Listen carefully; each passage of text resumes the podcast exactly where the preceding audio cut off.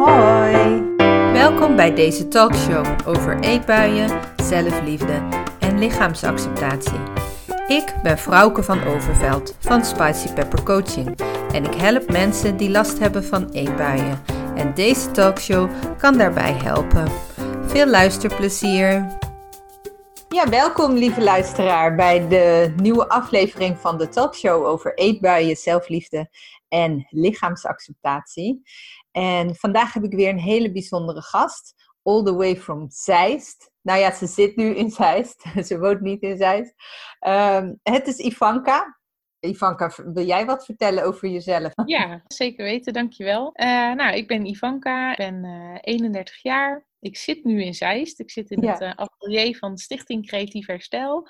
Uh, daarvan ben ik een van de founders. Ik woon zelf niet in Zeist, wel altijd gedaan, maar sinds drie jaar woon ik in Wijk Beduurstede met mijn uh, vriend en mijn dochter van twee. Ik vind het heel erg leuk om aanwezig te zijn bij deze talkshow. Ik heb uh, zelf al heel lang uh, struggles met mijn uh, gewicht, met mijn zelfbeeld. En de laatste jaren maak ik daar steeds meer stappen in. Ja. Dus ik vind het heel leuk om daarover over te praten met jou. Misschien ja. leuk om te vermelden, hè? want sommige luisteraars zullen misschien denken... hé, hey, Stichting Creatief Herstel, die heb ik eerder gehoord. Ja. Dat klopt, hè? Want ja. je zegt je bent co-founder. je werkt samen met, met Marloes. Ja. En Marloes heeft ook al eerder uh, in de talkshow gezeten. Uh, hè, dus jullie zijn eigenlijk een setje. Een, uh... Ja, we zijn een partner in crime setje. ja, precies. Het stel Klopt. van creatief ja. herstel. Ja. Ja, ja, ja, het stel van de stichting zijn wij. Ja, precies. Nou, dat klinkt een beetje anders. Wij hebben elkaar eigenlijk pas één keer in het echt gezien, omdat ik ja. bij jullie in het atelier een workshop mocht geven hè, over mindful eten. Klopt. Toen heb ik jou inderdaad leren kennen. En, uh, ja. en na afloop vertelde je inderdaad dat je, dat je best wel wat hebt gehad aan die workshop. Ja, ja, heel veel. Ik was ja. al echt wel op weg met het werken aan mijn zelfbeeld vooral. Ja. Ik heb het jaar voordat ik de workshop met jou volg, maar zelf heel veel eetbuien gehad. Ik denk dat ik daar mijn hele leven eigenlijk al wel, of nou, mijn hele leven, maar wel zolang ik me kan herinneren, daar wel moeite mee heb gehad. Ik was daar al wel lekker mee op weg. En eigenlijk na jouw workshop, ik moet zeggen, ik heb daar zoveel eye-openers gehad. Gaat het ook echt wel heel veel beter. Dus uh, oh. ik vind het heel mooi inderdaad om te zien uh, dat je met kleine tips en tricks heel veel uh, stappen kan zetten. Ja, ja, en als je zelf al een heel eind onderweg bent, dan zijn tips en tricks natuurlijk ook ja. wat makkelijker. Als je er ja. echt nog super diep in zit.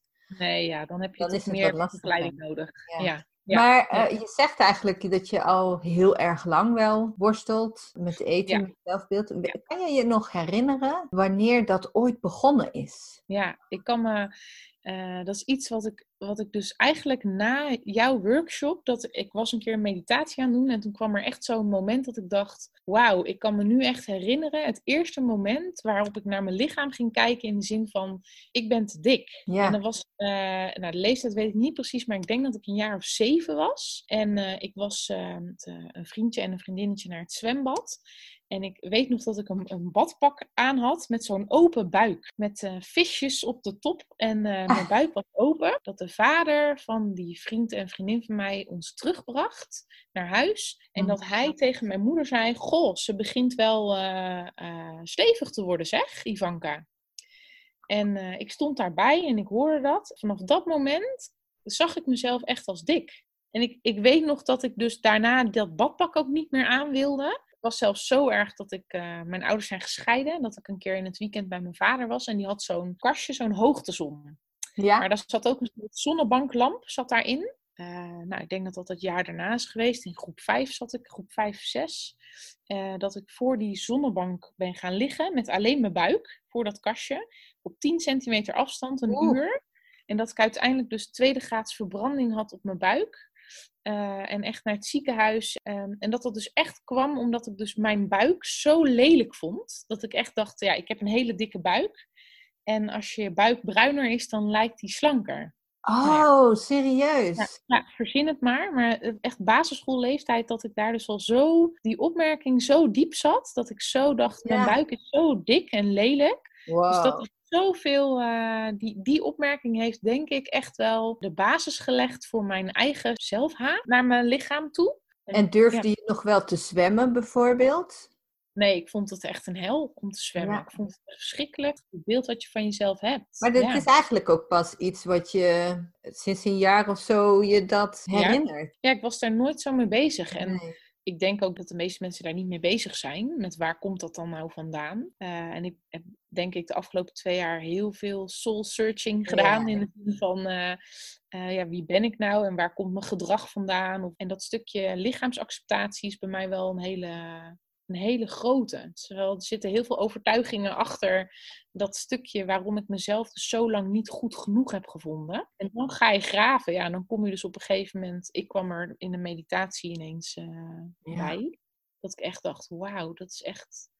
Dat, dat ik zelfs nog weet hoe die auto eruit zag, waar we naast stonden toen hij dat zei, en welk badpak en wat je aan had. En dus dat dat zo levendig is in je hoofd nog. En je was zeven eh, toen die opmerking gemaakt was. En, en een jaar of tien of zo, hè, met die bruine brander, wou ik zeggen. Ja, dat nou, is eigenlijk brander, ja. Buikbrander. Ja, hoe is dan zeg maar je tienertijd geweest? Nou, ik denk dat ik uh, in mijn tienerjaren ben ik een periode wel uh, lichter geweest. Kon ik ook wel met sporten. Ik heb al altijd heel lang uh, gedanst.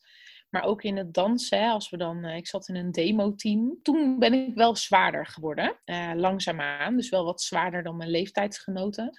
En nog steeds helemaal niet noemenswaardig, maar wel wat steviger. En ook toen, hè, als ik dan ging dansen en we hadden bijvoorbeeld een optreden. Nou, iedereen vond het altijd een eer om vooraan te staan uh, in de groep. Hè, als de juffrouw jou vooraan zette. Ja, ik dacht echt, zet mij maar lekker gewoon ergens in het midden of achteraan. Want dan sta je vol in de kijker en dan ziet iedereen het. En dan uh, richting het einde van het jaar had je dan een eindshow. Nou, dan werden er op een gegeven moment een, hè, een dans had je dan. En dan werd er kleding gekozen. Nou ja, dat was altijd eh, de ramp van het jaar. Want kwamen de blote buikentopjes natuurlijk, leuke glittertopjes. En ik vond dat verschrikkelijk. En ik weet ook dat toen ik een jaar of, nou, ik denk 15 was, dat we een uh, uitvoering hadden. En dan hadden we dus inderdaad zo'n spaghetti hemdje aan, maar een korte, een korte versie. Ik wist ook dat ik bij die dans vrij ver vooraan zou staan. Dus ik had onder dat, dat korte topje wat ik van hun had gekregen, had ik zelf een zwart langer topje. Dus mijn buik zag je niet. Dat ik daarna echt gigantisch op mijn donder had gekregen na dat optreden van de eigenaresse van die dansschool. Waarom ik in hemelsnaam iets anders aan had getrokken dan de rest. Niet. Dat dat niet mocht. En uh, dus ik kon me toen helemaal niet uiten. Dus ik stond daar echt een beetje zo van, nou ja. Dus ik zei, ja, ik voelde me er niet fijn in. En uh, ja, en dat kan niet. En je moet hetzelfde aan. En oh. dat, denk ik het jaar daarna dat ik ook ben gestopt met, met dansen. Omdat ik me gewoon... Daardoor. Ik vond het dansen zo leuk. En dat dan de nadruk zo lag op dat, hoe je eruit moest zien. Ja. En dat zelf nog van die dans uiteindelijk. En met mij vrij ver vooraan een foto in de plaatselijke krant stond. Ah. Die mijn vader dan super lief uitvergroot nog steeds in zijn slaapkamer heeft hangen. En dat al die momenten waarop je denkt, daar had je mooie herinneringen aan moeten hebben. Ja. Toch altijd zo'n kanttekening hebben met iets wat te maken heeft gehad met mijn lichaamsbeeld. Ja, ik, ik kan me één moment herinneren waarop ik me oké in mijn lichaam voelde. En het gekke is dus dat dat wel is op het moment dat ik in de sauna ben, dus zonder kleding dat je geen. Uh, en je voelt het niet, hè? Dus je voelt niet dat je broek strak zit of dat je. Oh, je, je, voelt je wat vrijer in je lijf. Dus ik kan me wel herinneren dat ik op een gegeven moment, uh, nou, ik denk dat ik een jaar of 21 was, dat ik veel naar de sauna ging. Dat ik daarin wel heel veel meer ben gaan accepteren van mijn lichaam omdat je daar dus ook heel veel lichamen ziet. Zonder kleren, dan is iedereen kwetsbaarder en Ja. is iedereen bloot. En dan, dan ineens is dat perfecte beeld van de buitenkant, dat eh, is bij iedereen valt dat een beetje af. Ja. Dat heeft mij wel heel erg geholpen, denk ik, in meer acceptatie. Ik vond het ook heel mooi om te zien dat andere mensen zich dus ook zo kwetsbaar lieten zien eigenlijk. Hè? Als je bloot bent, dan heb je geen, eh, geen masker meer op eigenlijk. Ja. Dat heeft bij mij echt wel een heel groot stuk geholpen eigenlijk al. Ja, ik herinner me, ik heb ook wel zo'n sauna-periode gehad en dan herinnerde ik me ook dat het, het is echt een omgekeerde wereld. Hè? En als je dan dus in de sauna heel ongemakkelijk en onhandig met je handdoek gaat zitten, dat ziet dus iedereen. Ja, ja. Zou, Ja. Kun je ook maar beter gewoon normaal Ja. in je blootje gaan zitten en lopen? Ja. In je dan val je hoofd op. val je dan het minste op. Ja, Ja. in, dat, in dat lichaamsacceptatie, of eigenlijk nog daarvoor zo, weet je wel, basisschool, tienertijd, middelbare school, hè, dat je bewust raakt van je lijf en van, van ja, dik zijn of de gedachte dat je dat bent, Ja. los van Ja. of je dat bent. Ja. Ging je ook met eh, eten aan de gang, met diëten of, of juist met sporten? Of, eh, Ja, op de middelbare school begon ik echt wel met eh diëten. Ik weet nog dat mijn nicht bijvoorbeeld, die, die volgde zo'n shake, eiwitshake dieet. En ik was toen eh 15, denk ik. Ehm, dat ik dacht, oh, dat wil ik ook. Je kon dat ook bij de kruidvat gewoon kopen. ja. Dus dan ging ik met mijn zakgeld ging ik dan van die shakes kopen. En uiteindelijk ging ik van mijn nicht, kon ik dan wel wat... Ik had wel een bijbaantje, dus ik had altijd wel wat geld zelf. Dus dan kon ik van die poedershakes kopen. Dan zat ik echt in mijn eentje in de pauze op de trap op de, op de middelbare school. Zat ik zo'n shake met van die vieze korrels naar binnen te werken. En dan echt kokhalsend, want ik vond het echt vreselijk smerig.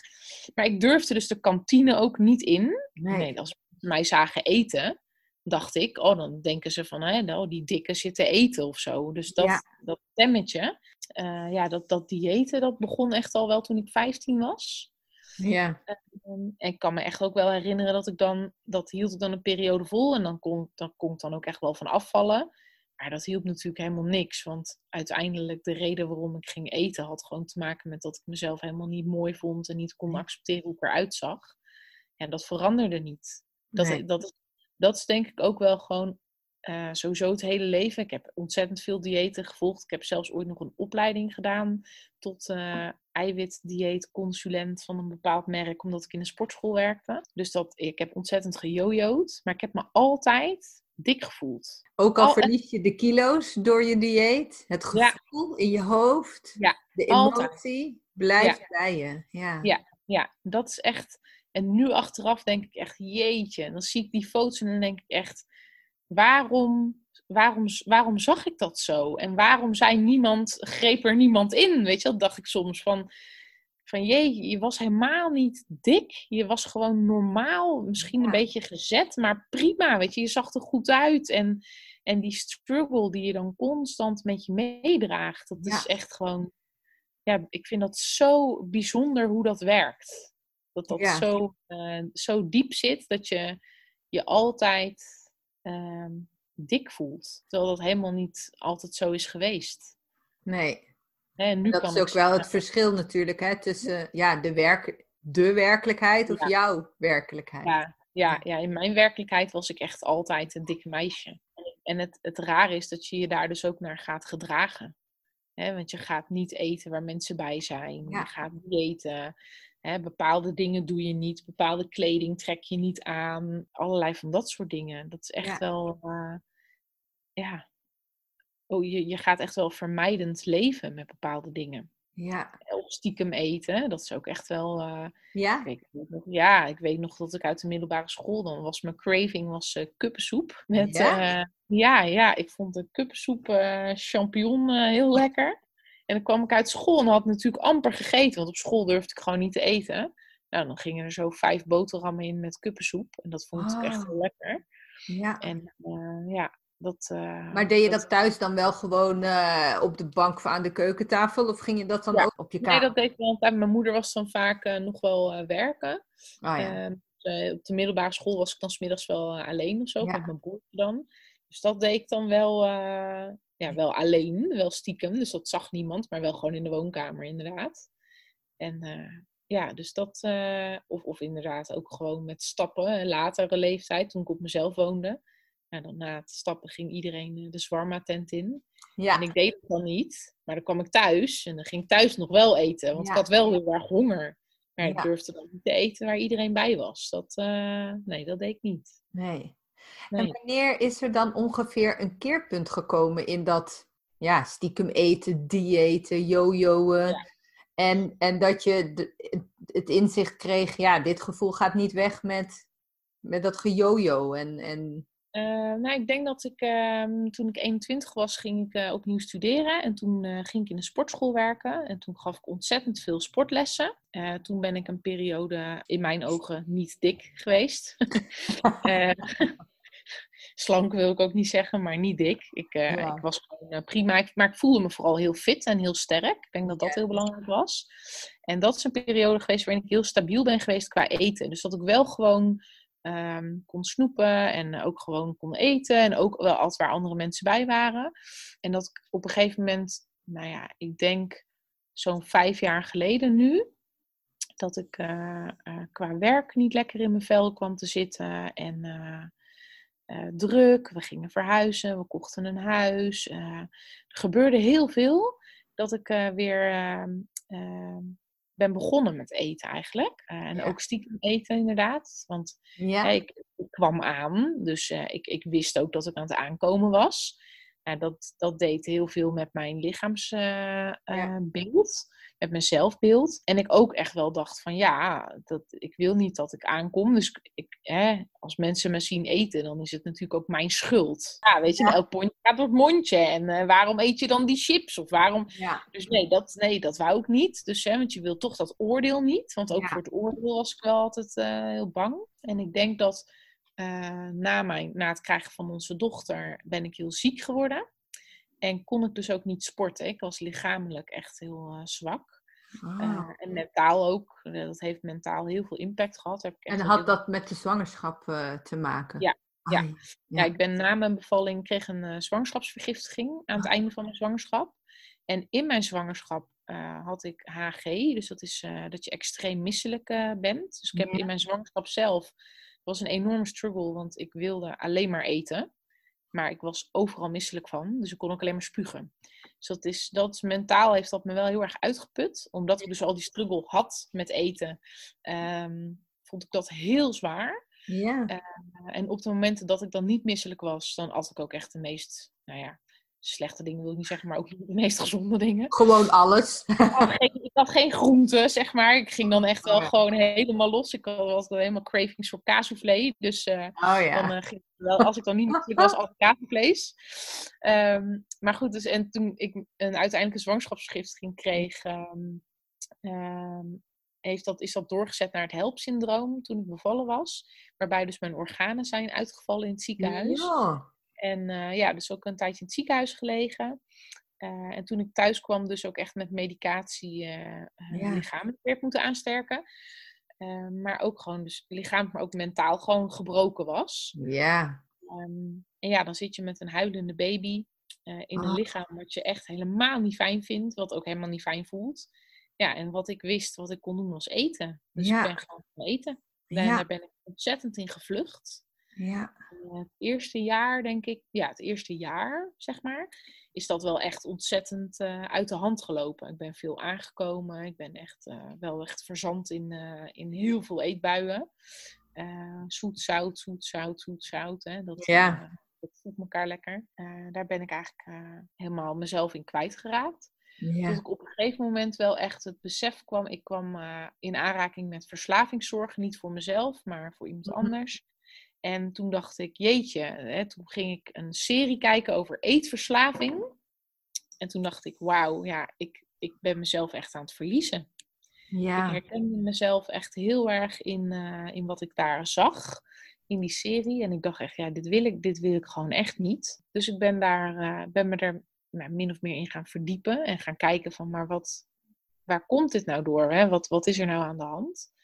ik was al heel erg op weg met het werken aan mezelf, op, ook op alle andere vlakken. En ik dacht, ja, dit is dus toch een oud patroon wat zich doorzet. Ik ben niet tevreden met mezelf, maar dat ben ik nooit geweest. Ook niet op de momenten dat ik wel, uh, nou ja, dat ik minder zwaar was. En toen dacht ik, ja, dus hier zit veel meer onder. Ja. Eigenlijk door het luisteren van inderdaad podcasts, hè, zoals dit uh, het lezen van boeken, uh, het kijken naar series die hierover gaan. Maar ook het, um, wat voor mij een hele grote was, het, het social media verhaal. Ja. Stoppen met het volgen van die fit girls en ja. uh, workout. Ja, ik dacht, ik moet mezelf, ik, ik moet me, me gaan omringen met, met een ander beeld. Want dit, dit, gaat niet goed. Ik denk dat dat al heel veel bijgedragen heeft. Dat ik al wel heel erg op weg was. En ook het erkennen van het feit dat ik dus een probleem had. Dat, uh, dat is was dat pittig voor je om dat te erkennen? Ja, in het begin voelde dat heel erg als, uh, als zwak. Ja. Dat ik dacht, ja, ik moet dus toegeven. Er komen dat allerlei oordelen natuurlijk. Ja, ja. Ja. zo van, ik ben, uh, ik, ik ben sowieso met alles vind ik heel erg dat ik het goed moet doen dat ik het alleen moet kunnen. Hè. Dat zijn dan van die overtuigingen die op heel veel vlakken natuurlijk doorwerken. Ja. Uh, maar ook in de strijd met het eten had ik heel erg het gevoel van dit moet ik, dit moet ik oplossen. Het is mijn probleem, dus ik moet hier iets aan doen. Ehm, dus het uitspreken naar anderen en zeggen dat ik dus problemen heb met eten, ja, dat was heel groot. Ja. Maar tegelijk luchtte het ook heel erg op. Dat is heel gek, het is heel dubbel. En daarna, en, of daarna toen ben je dus uh, podcast gaan luisteren, boeken gaan lezen. Is er een boek bijvoorbeeld waarvan je zegt, nou daar heb ik echt, dat boek heeft veel, of een programma, of is er iets waarvan je zegt, nou dat heeft echt veel voor mij betekend? En sowieso praten met, uh, met, met eigenlijk met iedereen. Dus gewoon hè, de mensen waar je je veilig bij voelt, om me daar dus kwetsbaar op te stellen. Ja.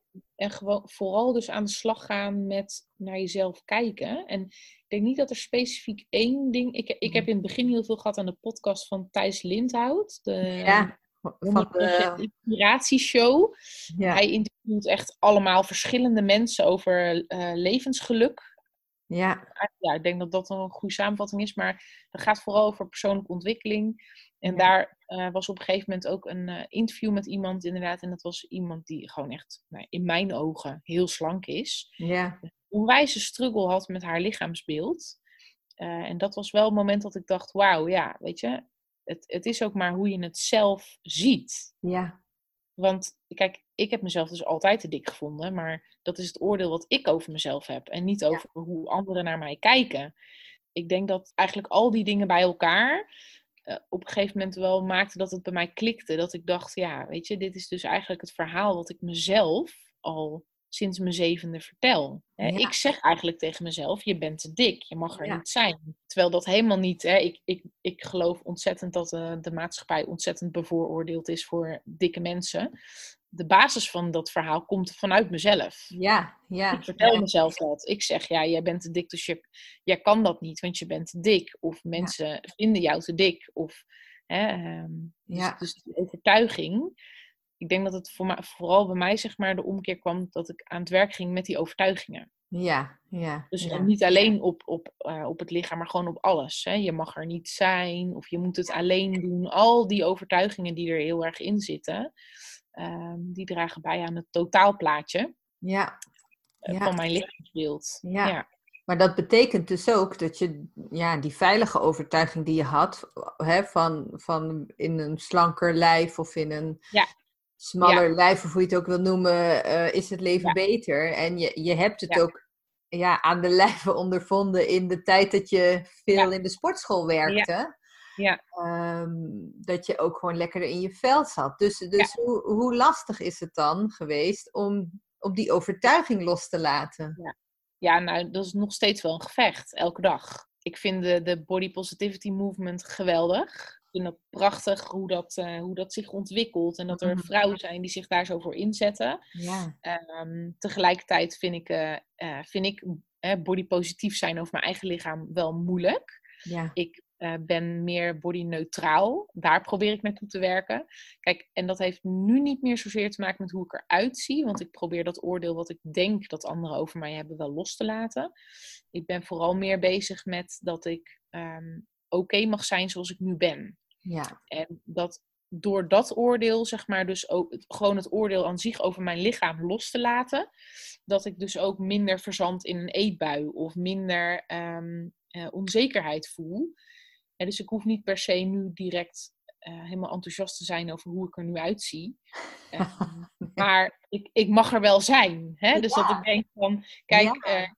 uh, iedereen heeft een lichaam en iedereen heeft onzekerheden over zijn lichaam. En ik vind het echt zo knap als ik dan hè, dikke vrouwen zie op Instagram die gewoon in hun ondergoed staan en gewoon hoppakee. Nou ja, zover ben ik niet. Dat, en dat hoeft voor mij ook niet.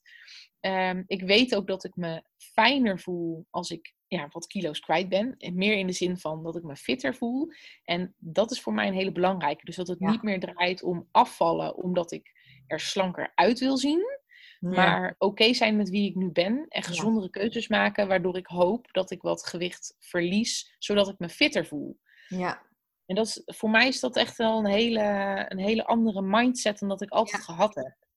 Ja, ik ben Ja. vooral bezig met, dat wat, het, met het oordeel. Uh, v- mensen vragen ook vaak aan mij, hè, als ze dan bezig zijn met hun eetbuien, ja, uh, uh, kan ik dan niet meer afvallen? Hè? Omdat juist die relatie met eten daar zo in de Ja. weg zit. Ja, Ja. En dan zeg Ja. ik ook altijd, je, hè, natuurlijk kun je afvallen, maar het gaat echt om de intentie. Hè? Ja. Vind je jezelf, wil je afvallen omdat je jezelf niet goed genoeg vindt? Of wil je, wil je iets afvallen omdat je jezelf het beste leven gunt met een, met een fit lijf eh, waar je, Ja. weet ik veel, in kan bergbeklimmen als dat je grootste passie is of whatever. Ja. Ik denk ook dat, kijk, dat, dat blijft natuurlijk wel de struggle. Want ik weet dat ik me fijner voel als ik slanker ben. Of lichter ben, of hoe je wil zeggen. Maar tegelijkertijd weet ik ook dat als ik ga diëten. Als ik labels ga hangen aan wat goed en wat Ja. fout is. Dat ik verval in oud gedrag. Ja, Dus het is, ehm, ik, ik merk dat het daarom voor mij nu heel belangrijk is om gewoon eh, neutraal te zijn naar mezelf. Dus te Ja. zeggen, weet je, je mag er zijn, je bent gewoon goed zoals je bent. ja, Eh, eh, je kan je gewoon leuk kleden, je ziet er goed uit, je, je verzorgt jezelf, hè, je, je inspireert anderen met de dingen die je doet. Dus Ja. je bent als mens gewoon hartstikke mooi. ja. Eh, en als ik dat zo in het geheel kan zien nu, dan ehm, haal ik de focus van het afvallen eraf. Ja. Dus dan ga ik niet meer die labels plakken op ik mag geen chips, ik mag geen chocola. Mhm. Ehm, en dat helpt mij in het dat ik geen eetbui heb. Kijk, en dat zei ik ook al tegen jou eerder. ehm, als ik nu denk, als ik behoefte heb aan eten, eh, of ik merk dat ik eh, wil gaan eten, ja, ehm, dat ik dan denk, oké, wat, wat is er aan de hand? ja, Hè, bij, mij, bij mij komt het heel erg voort uit vluchten. Eh, Ja. In de zin van, vooral voor mezelf. Ik heb, een, eh, ik heb ADD. Ik heb een heel druk hoofd. Eh, dat staat de hele dag aan. Een jonge dochter. Een Ja. bedrijf wat we runnen. Ehm, dus ja, prikkels zijn er gewoon heel veel. En mijn Ja. hoofd staat niet stil. En soms wordt het mijn hoofd en ook gewoon te veel. En rust aan mijn hoofd, dus die onrust weg eten, dat is wat ik ja, En dus dat is gewoon op de bank, Netflix aan, eten, ja. stilte. Terwijl ja, daar los je natuurlijk eigenlijk het onderliggende probleem helemaal niet mee op. En tegenwoordig vraag ik mezelf echt af als ik wil eten, oké, is dit omdat ik rust wil? Is dit Ja. omdat ik gewoon wil vluchten? Omdat ik gewoon even niks wil? Of is het omdat ik denk, oh, ik heb gewoon zin in iets lekkers? Iedereen heeft wel zin in iets lekkers. ja. Dus mag dat ook gewoon. Het is niet dat ik zeg, hè, chips is slecht of chocola is slecht en wortels zijn goed. Waar heb je zin in en, waar- en waarom heb je er zin in? Ja. Hè? Waar heb je behoefte aan? En wat wij hier eigenlijk tegen de vrouwen altijd zeggen is, eh, je moet, het gaat er niet om dat je iets doet waarbij je je goed voelt. Het gaat erom dat je iets doet wat goed voor je is. Hè? En als het goed voor je is omdat je lekker op de bank met een kopje thee zit en eh, je denkt, oh ik heb zin in een lekker chocolaatje, dan is dat helemaal goed. ja. Als je denkt, ik moet nu van alles uit de kast trekken om te eten, want ik wil rust in mijn hoofd. Ja. Dat is niet de oplossing. Ik voel me daarna namelijk nog veel slechter. Want dan ben ik misselijk en dan voel ik me... En weet je, en dan krijg je die suikerdip en dan voel ik me helemaal ellendig. Ja. Dat maakt het erger.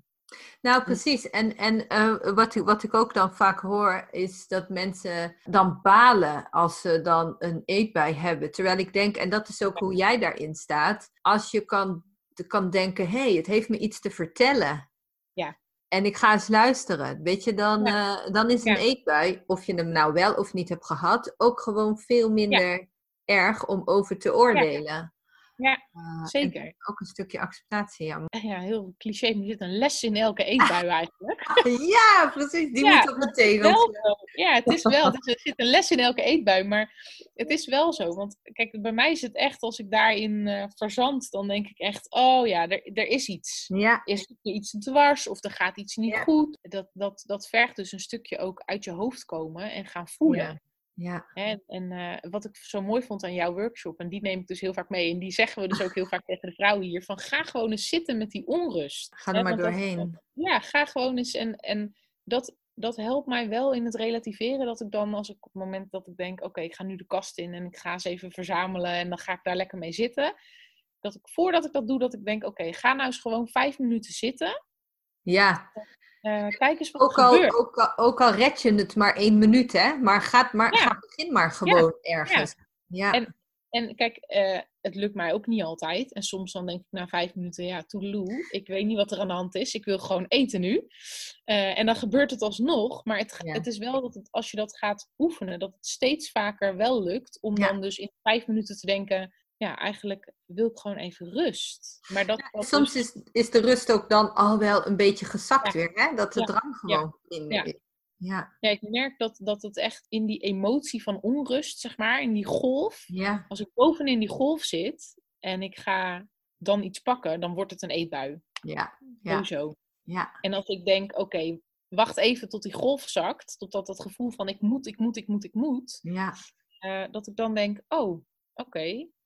Dan ben je Nou. veel weerbaarder eigenlijk. Ja, en dan kan ik er, dan kan ik er ook, dan kan ik niet vanuit de emotie reageren, maar gewoon Ja. vanuit het gevoel dat ik denk, ja, maar eigenlijk is het niet waar ik behoefte aan heb. Er, Ja. is, hè, er is iets anders. Of ik, soms is het ook gewoon, ja, ik weet niet waar ik wel behoefte aan heb, maar Ja. ik ga me niet beter voelen als ik nu ga eten, dus ik doe het ook gewoon niet.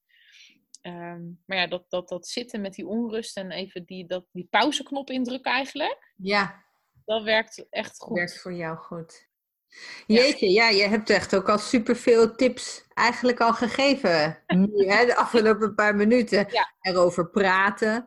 Hè, Ja. Goed naar jezelf eh, kijken. Ja. Nou, je vertelde dat die podcast van Thijs Lindhout, de 100% Ja. inspiratieshow, voor jou heel inspirerend was.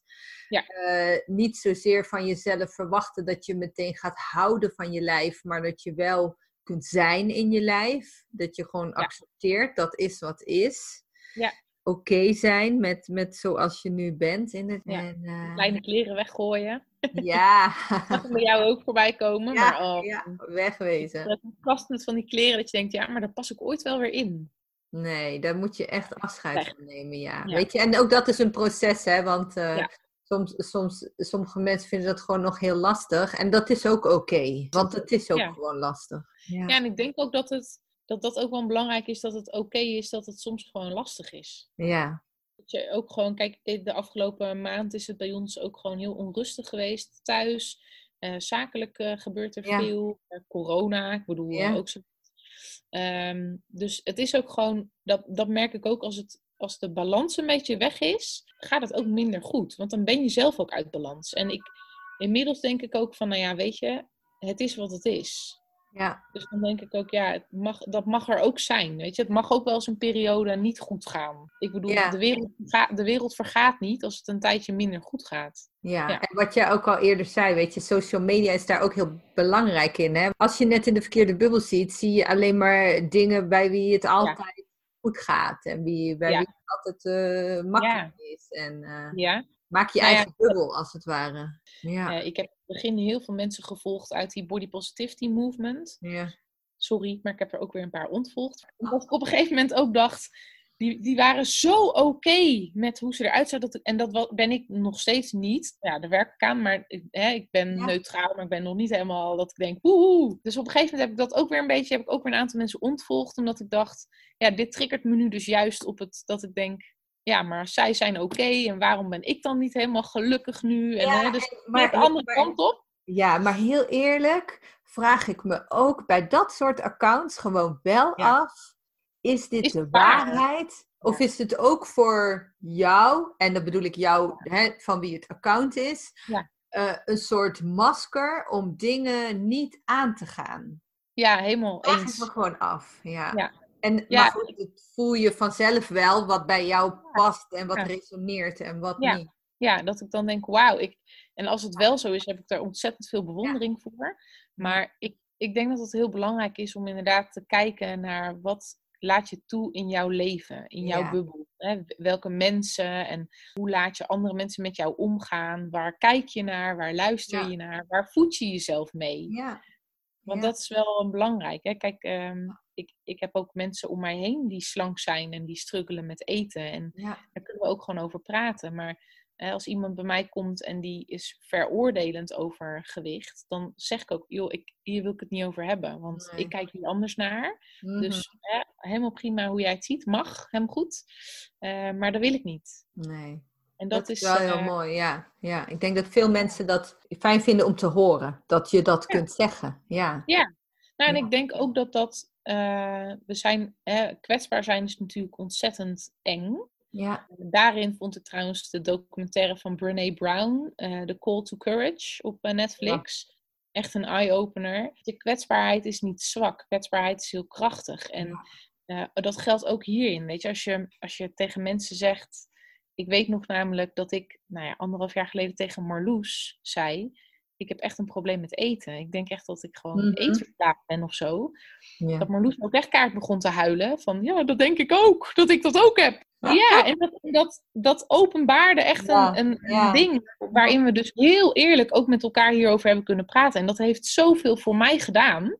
Dat er iemand was waartegen ik kon zeggen, oh, ik, weet je, het ging gisteren zo fout. Het ging niet goed. En eh, Ja, nou dat is mooi dat je dat zegt. Want weet je wat zo mooi is als je daarin herkenning bij elkaar vindt? Want dat merk ik natuurlijk ook in mijn praktijk hè, als ervaringsdeskundige, om maar zo te zeggen. En dat heb jij denk ik ook in binnen Stichting Creatief Herstel. Is eh, er ontstaat dan ook lucht. Omdat je, je Ja. kunt ook het eh, soms even op een wat lolligere manier of, Ja. of een grapje maken over een ontzettende eh, slechte eetbui die je ge- hebt Ja. gehad of zo. Omdat je het allebei, weet je, en, en dan kun je ook tegen elkaar zeggen, ja, eigen idioot eigenlijk, hè, dat wij dit zo zien of dat we dit zo. Het is zo bevrijdend. ja, het werkt echt helend als je het gewoon kan uiten. Dat scheelt zoveel. ja. En dan kan je dus ook, weet je, als je dan wel een rotdag hebt en je spreekt iemand en diegene weet van jou dat je daarmee struggelt, dan kan je ook opbellen en zeggen, joh, ik heb zo'n slechte dag. Ik ben nu in staat om de supermarkt in te rijden en gewoon eh, van alles te halen. ja. En dan heb je het uitgesproken. En ongeacht of die ander dan iets zegt of niet, of wat diegene zegt, het is eruit. ja. En vaak lucht dat inderdaad Dat al zo op dat je op. daarmee al gewoon heel veel kan voorkomen. Nou, mooi. Daar gaan we mee afsluiten. Yes. We zijn al lekker lang aan het kletsen. En als mensen nou ehm, hè, denken, ja, oh, ik herken me zo in dat verhaal van Ivanka, of ik wil eigenlijk Ivanka nog wel wat vragen stellen over de tips die je hebt gegeven of zo. Mogen mensen met jou eh, een berichtje sturen via Instagram bijvoorbeeld? Ja, via Instagram. Het account eh, Moeder op Missie eh, is van mij. Eh, en ja hoor, zeker. Ik sta altijd open om met mensen te kletsen hierover. En ik zal ook eh, het account van jullie, van, van jullie stichting, eh, eh, Ja. Stichting Creatief Herstel. En daar Ja. helpen jullie vrouwen die, die ja, worstelen met depressie en met burn-out. Ja, nee, het is inderdaad echt voor vrouwen die een depressie of een burn-out hebben of hebben doorgemaakt. Die wel al in therapie zijn en die na therapie moeite hebben om weer vooruit te komen. Die het gewoon moeilijk vinden om weer in beweging te komen. Daar hebben we een programma voor opgezet. Ehm, een En ook een online programma tegenwoordig. Het programma is ook online te volgen, inderdaad. Eh Ja. duurt ook drie maanden of live in ons atelier in Zeist. Ja, Ehm, ja. Dus mochten ze Ja. daar, mocht je daarin geïnteresseerd zijn, dan Ja. zoek je even Stichting Creatief Herstel op. Ja. Nou, Ivanka, dank je wel voor je openhartigheid. Voor ja, je- graag gedaan. En jij bedankt dat ik eh, met jou mocht komen kletsen in de talkshow. Ja. En eh, jij luisteraar ook, eh, bedankt voor het luisteren. Ik hoop dat, dit, dat ook eh, het verhaal van Ivanka voor jou heel waardevol was ja, om te horen. En dat je misschien ook voor jezelf weer iets eruit kunt halen wat jou helpt. Wij gaan afscheid nemen van elkaar en ik hoop dat je de volgende podcast ook weer lekker meeluistert. Tot dan, doei! Zo, dat was hem weer. Heb je er iets aan gehad? Laat het me weten door deze talkshow te liken en te delen, zodat meer mensen deze talkshow ook kunnen ontdekken.